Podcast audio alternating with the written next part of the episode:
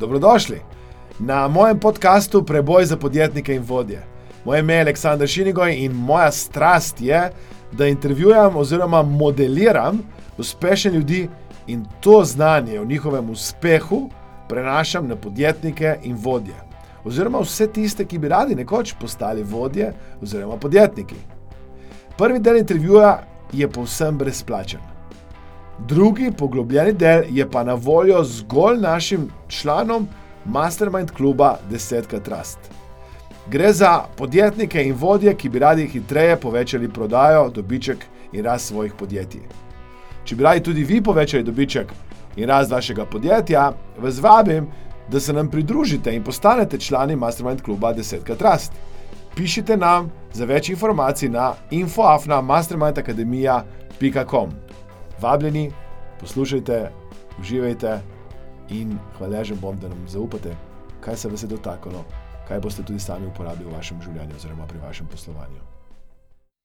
En lepo zdrav, z nami je danes Boštjan Rončič, direktor podjetja Inkom, ki je najbolj znano po teh blagovnih znamkah, kot so Leone in Alive.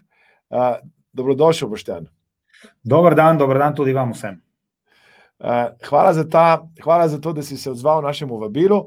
Vesel bom, da nam mogoče na kratko predstaviš, s čim se podjetje ukvarja. Vem, da ste znani in verjetno vas večina ljudi pozna, povej malo o podjetju, no, mogoče.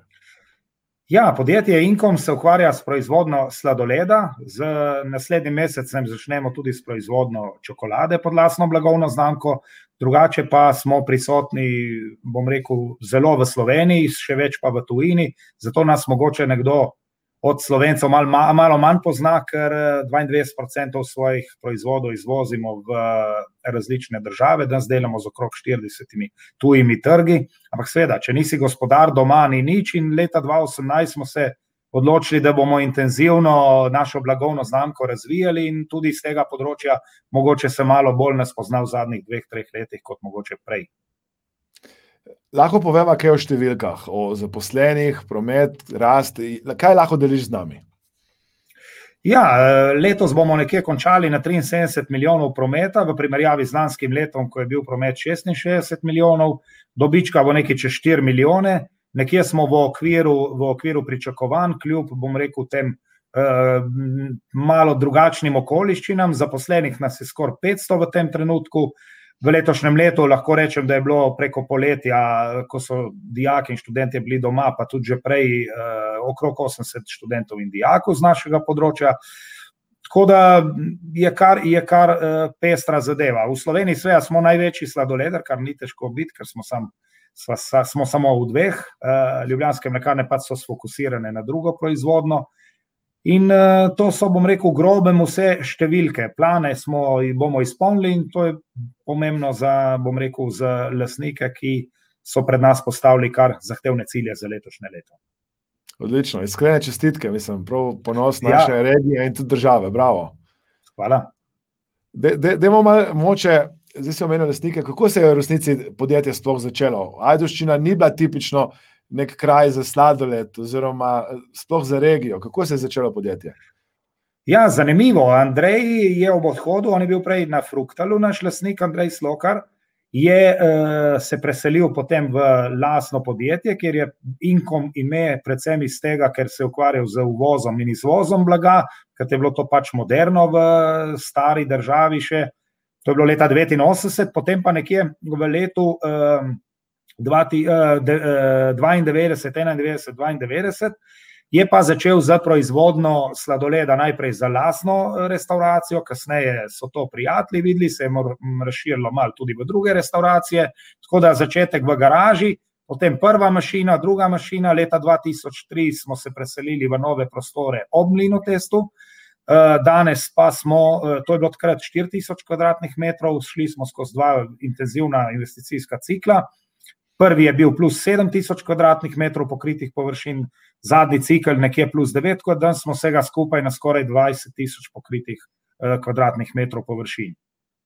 tako da ta zgodba se je, začela v Ajdovščini z ajdovskim lastnikom in tudi danes lahko z veseljem rečem, da imamo še vedno Andreja Slokara kot 100-odstotnega lasnika, kar je za podjetja v današnjem času tudi velika prednost, ker so cilji zelo jasno postavljeni.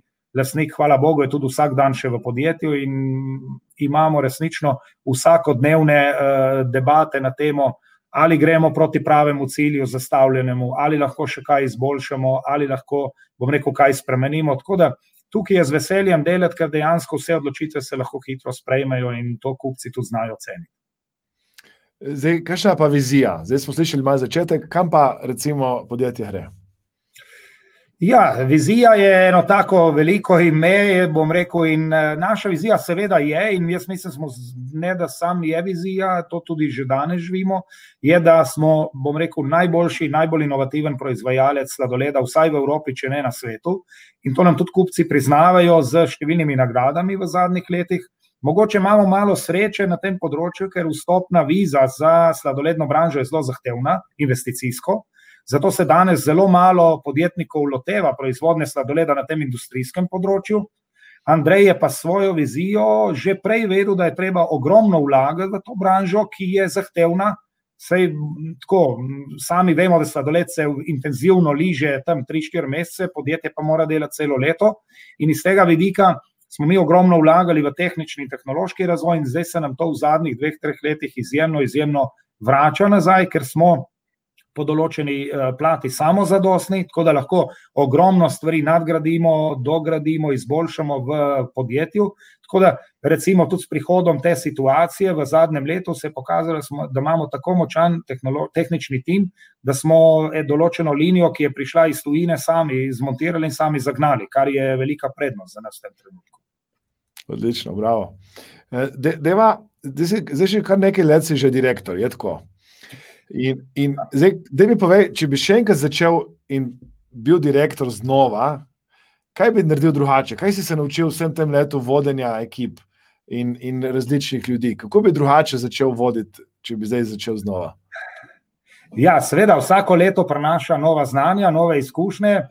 Na začetku smo bili, mogoče malo, bom rekel, bolj, bolj uh, smo se zaleteli v kakšno stvar, zdaj pa z leti pride, z leti pa pride tudi modrost in sigurno bi drugače določene stvari zastavil, ne včasih eh, resnično premalo, eh, predvsem vodje pri svojih sodelavcih vidimo premalo teh pozitivnih stvari in se preveč, bom rekel, ukvarjamo s tistimi negativnimi, dejansko skozi leta pa poznaš, spoznaš, da je v vsakem zaposlenem lahko dejansko, eh, če znaš potegniti iz njega tisto pozitivno, tisto najboljše, kar zna in kar ga veseli delati, so rezultati lahko izjemno dobri. Ne? Zato tudi v podjetju izjemno, izjemno veliko energije porabimo s tem, da skušamo vsakmu zaposlenemu, če se na določenem delovnem mestu ne znajde, ne dosega rezultatov, dobiti neko drugo delovno mesto. In veliko krat se je pokazalo, da se tukaj splača vlagati energijo, ker je potem podjetje zadovoljno, on že pozna sistem, pa lahko hitro da rezultate na drugem področju. Tako da so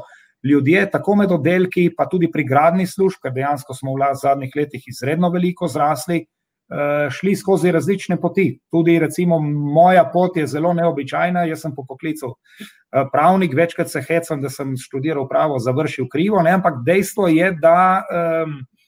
Če si, bom rekel, pravi za določeno delovno mesto, lahko resnično v tem uživaš v našem podjetju in dosežeš res odlične rezultate. Odlično. Kako pa preživljaš prosti čas? Ja, na različne načine. Največkrat, bom rekel, grem na kakšne sprehode, z ženo, bom rekel, se, se greva zvečer malo razluftati, uh, kakšenkrat grem teč, ampak dejstvo je, da je premalo tega, kar se tudi pozna včasih. Veliko je tudi zdaj, seveda, v zadnjem letu malo manj, veliko je potovanj, s potovanji potem pridejo tudi poslovne večerje in tako naprej. Tako da se ogromno kombinira tega prostega časa tudi z poslovnimi potmi in tako naprej. Tako da, ampak, če človek v tem uživa, to ni težava, to je enostavna stvar. Tako da del prostega časa, sigurno je, bom rekel, tudi povezan zelo z, z samim delom oziroma samimi potovanji. Hmm. Kaj pa rad bereš? Tako, zdaj vzamem si sveja, strokovna literatura, tukaj se moramo vsak dan uh, sproti in na novo novih stvari učiti. Branža gre zelo hitro naprej. Uh, jaz sem prisoten tudi kot član Euroglaseja, prebirati ogromni, dolžen sem prebirati ogromnih eh, gradiv, ki jih imamo za seje, ker seje so kar zahtevne, glede na to, da je to Evropsko združenje proizvajalcev sladoleda veliko vezano tudi na evropsko zakonodajo. To je tisti službeni del, neslužbeni del, pa imam rad kakšne lažje kriminalke, tako da tudi še iz tiste stare, stare branže pravne, tako da to me veseli. No. Nimam pa, bom rekel, prav kakšnih lahke, take lahke kriminalne romane, kakšnih posebnih, bom rekel, preferenc nimam. Hmm. Je kakšna knjiga, ki jo rad podarjaš? Na knjiga niti ne rad podarim, raje podarim kakšno flaško dobrega vina. Okay. Je kakšna posebna sorta ali pa kakšna vrsta, ki jo rad podariš? Ja, zdaj so kar zanimiva ta rdeča vina, tako ne, jaz moram navijati za Vipavsko dolino, moram reči pa, da tudi pa da tudi briška vina, rdeča, so resnično, resnično dobra in tukaj smo tudi v špici. Moče tu znamo, slovenci, mi to vidimo, ker imamo ogromnih stikov s tujimi partnerji in potem nas zelo cenijo. Po naših vinih, po kulinariki, ki so včasih zelo presenečeni, ali pridijo z velikih multinacionalk, pa bližnjih, daljnih držav, jih znamo resnično vsakič znova presenetiti. Hmm. Kdo je tvoj vzornik? A moj vzornik lahko rečem v službenem smislu, sigurno Andrej Slokar, ker eh, to je naš lasnik, ker on je še vedno, kljub, bom rekel, ne, zdaj, da me ne bo slišal svojim mladostnim letom, ne, je poln energije, poln elana in pa je pravi podjetnik, ki, bom rekel, izredno uh, usmerjeno zna uh, porabljati energijo in točno ve cilj, do katerega uh, moramo kot podjetje prideti, ker je ta cilj poznal, bom rekel, že veliko let predtem, kjer smo danes, je tudi lažje bilo priti do teh rezultatov. Tako da, sigurno na tem področju je to, je to Andrej Slokar. Hmm, odlično. Uh, kaj, kje, kdaj in kako se izobražuješ? Zdaj si že rekel, da bereš različno strokovno literaturo. Je še kakšna stvar, ki jo počneš za svojo rast? Ja, zdaj, eh, v zadnjem času so popularni razni seminari, spletni webinari, drugače se tako dvakrat, trikrat na leto udeležim tudi eh, seminarjev ali preko gospodarske zbornice ali preko kakšnih drugih inštitucij. Eh, veliko imamo tudi v okviru Euroglaseja izobraževanj. In pa bom rekel, tudi pri kupcih imaš si deležen raznih izobraževanj, raznih izobraževanj za standarde, kakovosti in tako naprej. Tako da rad, rad um, temu sledim. Ogromno se naučim tudi od naših mlajših sodelavcev, ki nas vsak dan presenetijo s kakšno novo idejo. Tako da dejansko se človek vsak dan nekaj novega nauči in to je veselje. In tako bom rekel, tudi greš lažje, tudi skozi tež, težje dni. Odlično. Uh, kaj bi rekel, da so tvoje ključne vrednote? Zdaj, Sigurno, mogoče, Ja, Deva tvoje osebno in potem hočeš še za podjetje. Tako da malo primerjava to dvojno, če so primerljive. No? Ma, sigurno, ključna, ključna je pošten, poštenost in pošten odnos do dela, tako doma, kot tudi, tudi v službi. Če bom rekel pošteno, delaš tisto, tisto uh, kar te veseli in dejansko za kar si pač zadolžen, jaz mislim, da se to na dolgi, na dolgi rok povrne.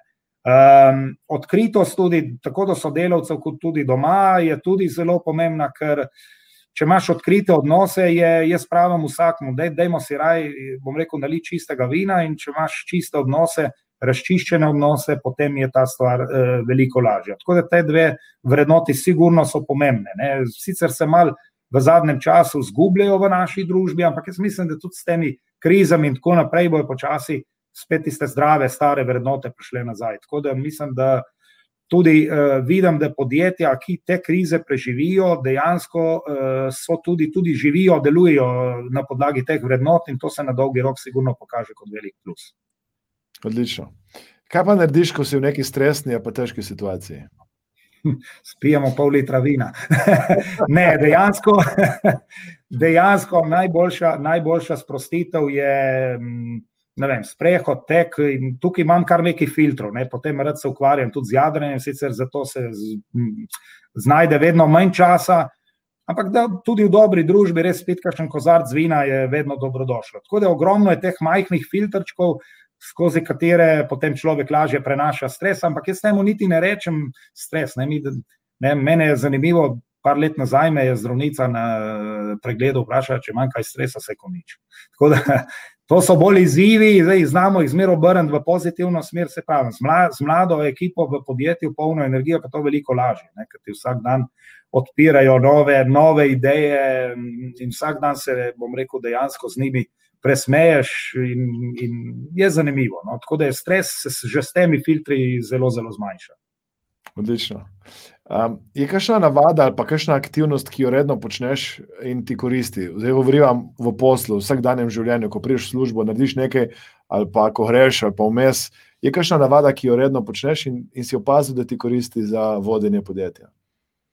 Ma ja, sigurno je ta ritual, ki ga imam zjutraj. Ne, ta, je, jaz pridem že ob sedmi uri, ko je še mir. Takrat do nekje do osme ure preko drugih eh, ljudje pridejo v upravo in druge dele podjetja. Eh, pregledam stvari, se pripravim na dan in bom rekel, to je ta najboljša priprava, da si usmeriš eh, celoten dan. Seveda se večkrat potem preko dneva vsi plani podrejo. Ne, potem to popravljaš po 16 uri, ko se spet pisarne sprazne, ampak dejansko je ta, ta jutranji ritual zelo pomemben. V zadnjem času, ko imamo pa tudi restauracijo, je pa tudi tak fajn ritual, bom rekel, kosilo ne, med 12.30 in, in 13. uro. Jaz pa imam ta privilegij, ne, da v podjetju dela tudi žena, tako da tiste pol ure si vzamem, bom rekel, pa tudi kakšno rečeva tudi na domačo temo. Tako da to je, to je velika prednost. Odlično. Je kaj še na svet, ki ga danes ti poslušaš v podjetjih ali pa na splošno v organizacijah in se z njim ne strinjaš? To pomeni, nekaj, nekdo nekaj govori o podjetništvu, o vodenju, o rasti in ta na svet ti ni simpatičen se ne z njim strinjaš. Moram reči, da, da sve, različni na sveti, mogoče v nekaterih branžah ali pa v nekaterih sektorjih delujejo, v nekaterih ne. Sveda, jaz verjamem, da vsak, ki eh, na svete daje, jih daje dobro namirno, skoraj ne poznam ljudi, da bi dajali kakšne slabe, slabo, bom rekel, zelo namirne na svete, ampak dejstvo je, da različni sveti v različnih branžah različno delujejo. Zdaj pa ne bi bil rad pameten, da bi rekel, da je kakšen na svet uh, bil slab. Ne. Sigurno se da izboljšati stvari, se jih da popraviti, ampak uh, jaz mislim, če je na svet dobro namiren, je tudi vsak dober. Ne. Odlično. Um, je kakšno vprašanje, ki bi ti ga mogel postaviti in bi lahko bilo zanimivo za naše poslušalce oziroma gledalce? Kaj, kaj bi te še ja, lahko vprašali? Neč nismo rekli, da se 70% vseh novic vrti, vrti okrog COVID-a, zdaj to je pač aktualna situacija. Ja, Ampak ja. dobro, zdaj to je mogoče že, že uh, iz, izpeta tema. Ne? Mogoče me veselijo vprašanja, ki se nanašajo na tisti moj popoldanski del dela ali pa večerni del dela, nekaj povezan s športom oziroma s košarko, ker smo tudi kot eh, podjetje prisotni, pa tudi sam veliko energije in časa vlagam v to. Tako da ta del, ta del uh, tistega popoldneva ali pa tudi filtra za sproščanje stresa je tudi zelo pomemben. Tako da, ja.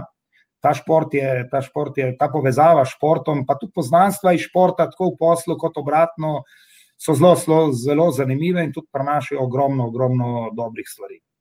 Da ne povem malo več o tem, zdaj si že odprl temo. No? Kaj ja, eh, no, jaz lahko rečem, da iz, ja. iz športa oziroma iz košarke sva se tudi z Andrejem spoznala. Ne? On je, bom rekel, izredna, cela družina Slokar je, je uh, košarkaška družina. Vsi so se ukvarjali s košarko, tako ali drugače, tako po igralski plati, kot po organizacijski plati. In tudi z tega, uh, z tega področja sva se spoznala takrat v začetku, in z tega področja sem jaz tudi prišel v podjetje. In uh, bom rekel, nadaljeval na tej poti, uh, ker takrat se je pač ideja spremenila. Ne? Sem prav drugo službo imel zauzet, potem sva z Andrejem se parkrat dobila in sva to pot, bom rekel, tudi podjetniško skupno pot začela. In um, zato je košarka nekako se prepleta skozi, skozi poslovno in pa tudi zasebno kariero. Potem je sin igral košarko vsa leta uh, in pa seveda podjetje Inkom kot sponzor z blagovno znamko Leone je tudi bilo vedno prisotno pri košarki, zdaj v zadnjem času pa tiste organizacijske zadeve, pa pogovori z igravci, s trenerji in tako naprej. Tako da to je tudi eno veselje, sicer žena se s tem ne bi ravno strinjala, ampak je ena taka prijetna zadeva za tiste popoldanske urice, tudi z tega vidika. Bom rekel, se nimaš časa postarati. Ker vidim te mlade, ne imamo 300 mladih otrok v, v našem klubu, tako v Hajdovski, kot v Vipavski občini. To je tisto naj, največje veselje in največja Eh, eh, največja energija, ki te žene naprej, ko vidiš, da otroci z veseljem prihajajo, eh, bom rekel, na treninge, z veseljem igrajo tekme in vidiš to otroško navdušenje in to je tisto, kar žene naprej, tako podjetje, pa kot tudi mene osebno. Odlično. Eh, kaj bi dal en nasvet mladim študentom, ki zaključujejo študij, kaj bi jim rekel? Pa mladi študenti naj bojo eh, pogumni, ustrajni, ker eh, danes toliko možnosti, kot je danes na svetu, jih je težko, bom rekel, prešteti na, na, na, na, niti na prste vseh rok in nog, ampak dejstvo je, da danes je ogromnih priložnosti. Danes sicer sveja, zdaj je situacija res v tem letu mal posebna, ampak če gledamo, ti lahko osvojiš svet v enem dnevu, ne imajo odprto glavo, ker dejansko, če imajo odprto glavo, pa so malo koražni, se da dobiti ustrezno, bom rekel, in službo, in ustrezno, in ustrezno tematiko za svoje delo in delovanje. Tako da danes je svet resnično nudi ogromnih priložnosti. In mi tudi vidimo, da mladi, ki pri nas prihajajo v službo, bom rekel, direktno po fakultetah, pa je družba že nad njimi obupala, dejansko lahko ogromno pokažejo. Mladi danes imajo ogromno znanja in če ga znamo prav usmeriti, jaz mislim, da nas bo peljali v pravo prihodnost. Zdaj, zdaj si načel na temo v strajnosti in ena anekdota kroži o tebi, ne vem, koliko veš o tej anekdoti. In eh, nekdo mi je razlagal, da si se enkrat vozil z Nemčijo, ne vem točno skire države, ker si dobil povpraševanje, da, da je nizka cena in takrat, da si si nalepo listek na avto in kako dosež to ceno, in potem na koncu ste uspeli doseči to ceno. Tako da ena stvar, ki je moče, bi bilo fajn, ker, ker zaključujeva zdaj ta intervju. Da, da ena stvar je pa značilna pri vas, da ste res borci, da se trudite, da ustrajate. Da nam moče malo poveš o tej ustrajnosti, no? kako se to odraža? Ja, v... ena ta, res je ta anekdota. To je bil, bom rekel, prvi tak večji posel, uh, ne, ne predtem, potem. Dejstvo je bilo, da sem šla s sodelovko, ne sem imel to srečo, da sem veliko uh, sabo na potovanja, s, bom rekel, prodajna potovanja, vzel s sabo tudi eh, tehnologijo, vodijo takrat razvoja, ki je še dan z nami, ki ima ogromno izkušenj. In tukaj se res eh, Nataši eh, Kofol še enkrat zahvaljujem, ker sem ogromno od nje tudi, tudi izkušen eh, na dolgih vožnjah, tako z avtom, kot kasneje z avioni, dobil. Ne. Sem znal že skoraj sam, bom rekel, sestaviti recepturo za sladoled. Ta, to je bil privilegij, ki sem ga imel, ki ga mogoče danes mladi prodajniki nimajo, ne, ker je te stvari so se mal postavile organizacijsko drugače. In sva šla v Nemčijo, uh, v Nürnberg, ne na eno manjšo, sicer za naše razmere veliko verigo, ki ima 1500 trgovin. In dejansko šli smo, šli smo na sestank, tam je bil možakar, ne on pravi. Ja, koliko bi ta bila cena, mi smo rekli, krat dva, ne, smo mislili, smo itak, da smo konkurenčni. Po 15 minutah, sed, po sedemurni vožnji, nas je vrgel z pisarne rekel: Vi nimate pojma. In mi dva se obrnava z Natašo, sem rekel: Nataša, moja draga, nikad nečemo mi da, da bomo nekaj prodajali resnega v tuje države. In celo pot smo o tem debatirali, in jaz sem si dejansko na lepo list, pol na računalnik, ne, in si razbijal glavo. In mi smo začeli potem, po enem tednu, ne se klical distributer, s katerim še danes nekaj malega delamo v Nemčiji. In je rekel: Lejte, je rekel Van Toren iz uh, Norme, te trgovske verige je rekel, imamo ne fajn ljudi v Sloveniji, ki so zelo simpatični, ampak pojma pa o prodaji sladoleda v Nemčiji nimajo. In dejansko smo čez dva meseca naredili prvi posel, seveda ne s takimi maržami, kot smo si jih mi želeli, ampak takrat nas je zbudilo in takrat smo stvar tako na ta način zorganizirali, da smo prišli tudi na področju trgovskih blagovnih znamk, za katere so mnogi menili, da se ne da na teh blagovnih znamkah delati velikih marš, Mi smo to zadevo zbrisali na začetku, smo rekli, da če znajo Nemci, če znajo vem, Italijani, če znajo drugi, bomo tudi mi. In dejansko smo uspeli, ampak seveda, prvi sestanek, ki se spomnim, ki je bil v firmi na temo uh, prav tega izvoza, na temo prav tega kupca, je bil negativističen. Edino lasnik, finančnica oziroma prokurist in prokuristka in pa jaz smo verjeli v ta projekt in dejansko smo rabili ogromno energije, da smo obrnili uh, to razmišljanje na glavo. Ne? Ker zanimivo je bilo, da tudi delavci, tisti stari, še uh, tovarni sladoleda, so dejansko delali po šest mesecev, ampak plače so dobivali 12 mesecev. Vemo pa, da je resnega podjetja z, s fiksnimi, močnimi fiksnimi stroški se ne da peljati na nivoju šestih mesecev. Ne? In jaz vem, da.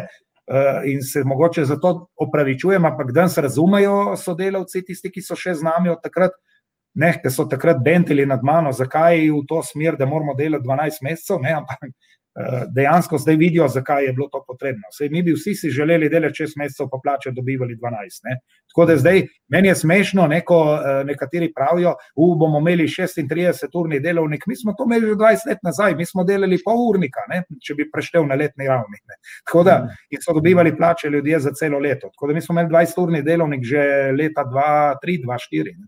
Hmm, smo bili zmer prečasno. Odlično. Danes nas, danes nas preganjajo, ker delamo mogoče včasih malo preveč, ampak dejstvo je, da energija v podjetju je tista, ki podjetje pelje naprej, resnično tudi naši sodelavci. Uh, res ogromno tiste prave, pozitivne energije vlagajo v to in zato smo tudi uspešni. Sej, jaz sem lahko direktor, ampak brez sodelavcev odličnih uh, ne pomaga nič. Odlično. Deva, za konec, kaj bi bil en svet ali pa ena ideja, pa ena misel, ki bi jo dal vodjem, podjetnikom, ljudem, ki bi radi dosegli to, kar ste vi dosegli? Ja, pomembno je, da, da prvič zaupajo sebi, drugič, da še bolj zaupajo svojim podrejenim, predvsem, da mladim dajo priložnost in uh, da jim pustijo svobodo, ker ravno mi smo puščali. In še puščamo mladim ogromno svobode, da grejo, da se razširijo po svetu, da so odprtih kril, kot ptičice na veji, da zletijo. In na koncu mi smo imeli v enem momentu težave, ker so mladi se mogoče zaradi premalo nekih omejitev celo zgubili. Ampak dejstvo je, kot sem že rekel, mladi imajo znanje, željo, voljo, sve, rabijo še določene izkušnje, zato pa smo tudi mogoče tukaj malo bolj tisti starejši, bolj izkušeni, ki jim to tukaj moramo pomagati.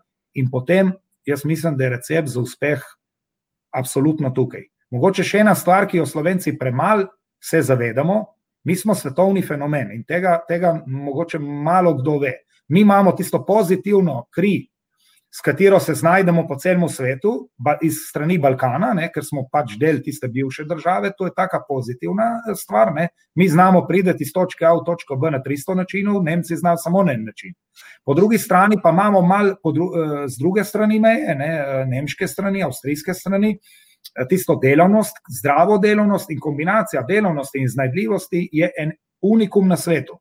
Mi znamo priti do povsod, včasih se samo ustrašimo prehitro. Tako da jaz mislim, da za slovenca, ki ima, bom rekel, odprto glavo, ki ima željo in na koncu ustrajnost in voljo, ni, ni, ni meja. Odlično. Boštjan, bilo mi je včasih veselje. Hvala lepa, da si bil z nami in še naprej veliko uspehov. Tudi vam, gospod Aleksandar, in vsem poslušalcem. Hvala. Hvala lepa.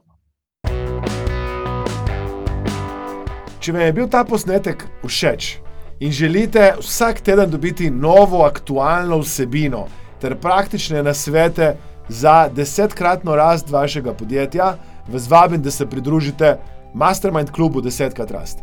Da obišete spletno stran mastermindacademija.com ali pa kar nam pišete na infoafna.mastermindacademija.com in napišete, da bi radi postali člani tega odličnega združenja podjetnikov in podjetnic, kjer delamo na tem, da vi izboljšate vaše poslovanje, vašo rast.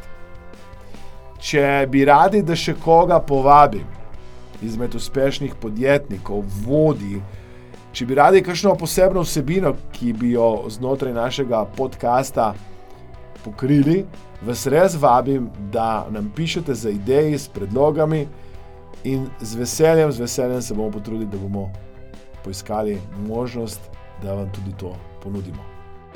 Hvala lepa, da ste z nami. Vabim vas, da se naročite na, na naš podcast, da se naročite na naš YouTube kanal, da, da nas spremljate na različnih možnih kanalih, zato ker bi radi prav za vas vam dostavili najboljšo vrednost, največje ali pa najbolj koristne informacije, ki jih potrebujete pri vašem poslu in pri vašem delu. thank you